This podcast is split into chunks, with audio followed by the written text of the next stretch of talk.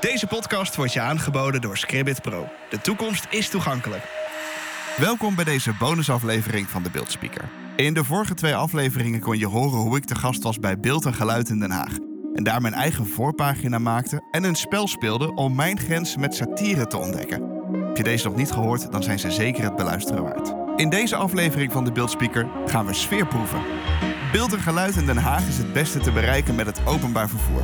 Bus 22, 24 of 28 vanaf Den Haag Centraal of tramlijn 1 vanaf Den Haag Holland Spoor brengen je binnen een kwartier naar de halte Mauritskade, Javastraat of Alexanderplein.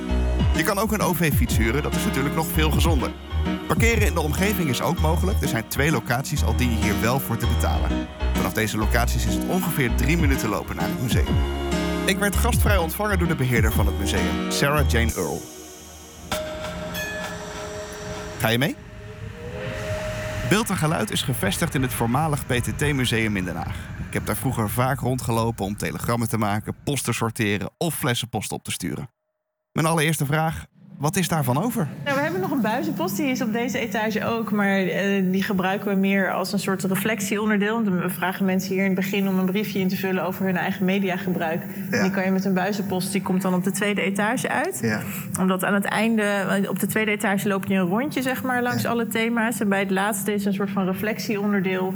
En dan um, uh, kan je daar weer naar je buizenpostbriefje kijken. En naar die van alle andere mensen om te kijken of je mening intussen veranderd is of niet. Of, dus uh, het idee is dan dat mensen daarop reflecteren. Vervolgens dus inderdaad op, in het museum uh, leren over de, de, uh, nou, het spel van, van macht en media, zoals we dat eigenlijk dan noemen. Wat het hele speelveld is, alle spelers die erbij horen en alle partijen en factoren die invloed op elkaar uitoefenen binnen dat speelveld. Ja. Um, om dan vervolgens aan het eind dan te kijken van ben je het nog steeds eens met je mening toen je binnenkwam en is die eventueel veranderd of niet? Of sta je nog steeds achter je, achter je stelling? Okay. Dat is een beetje het idee.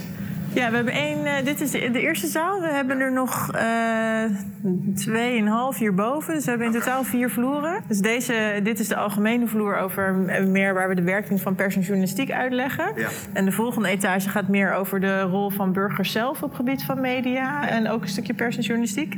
Dan hebben we één etage die gaat over Den Haag en de ja. media. En dan hebben we nog. De laatste etage, daar hebben we een wisseltentoonstellingsruimte en uh, een stukje bibliotheek. Nou heet het beeld en geluid.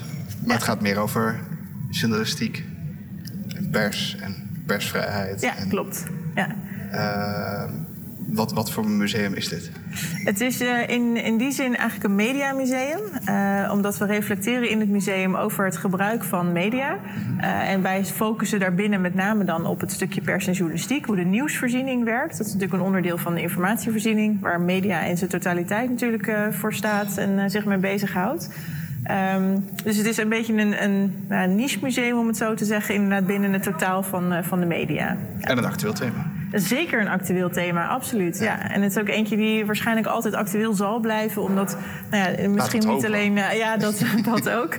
Maar niet alleen in Nederland, maar natuurlijk ook wereldwijd... gewoon ja. de, de, persvrijheid onder druk staat. Om verschillende redenen, verschillende uh, maatschappelijke, sociale problematiek in de wereld... die daar ook een, een rol uh, in hebben. Dus dat zal zeker altijd actueel blijven, ja. Merk je dat ook aan de bezoekers hier? Of is het echt vanuit alle lagen van de bevolking, van de mensen die hier, die hier komen? Uh, nou, daar moeten we nog een beetje in gaan opbouwen. Want het museum is afgelopen september 2020 geopend. Medio september. Ja, uh, en toen hebben we, ik denk in totaal, nou, zo'n zeven, acht weken is het museum open geweest. Toen de, waarna de lockdown weer begon. Ja. Dus wij moeten ook onze bezoekers nog een beetje leren kennen. Um, maar de bezoekers die wij uh, in die paar weken in ieder geval gehad mochten hebben afgelopen najaar, is inderdaad wel een mix van, van oud, jong, um, vanuit Den Haag, vanuit de rest van Nederland. Dus het is wel, het is een, een redelijke mix inderdaad. Ja. Wie hoop je dat er komt?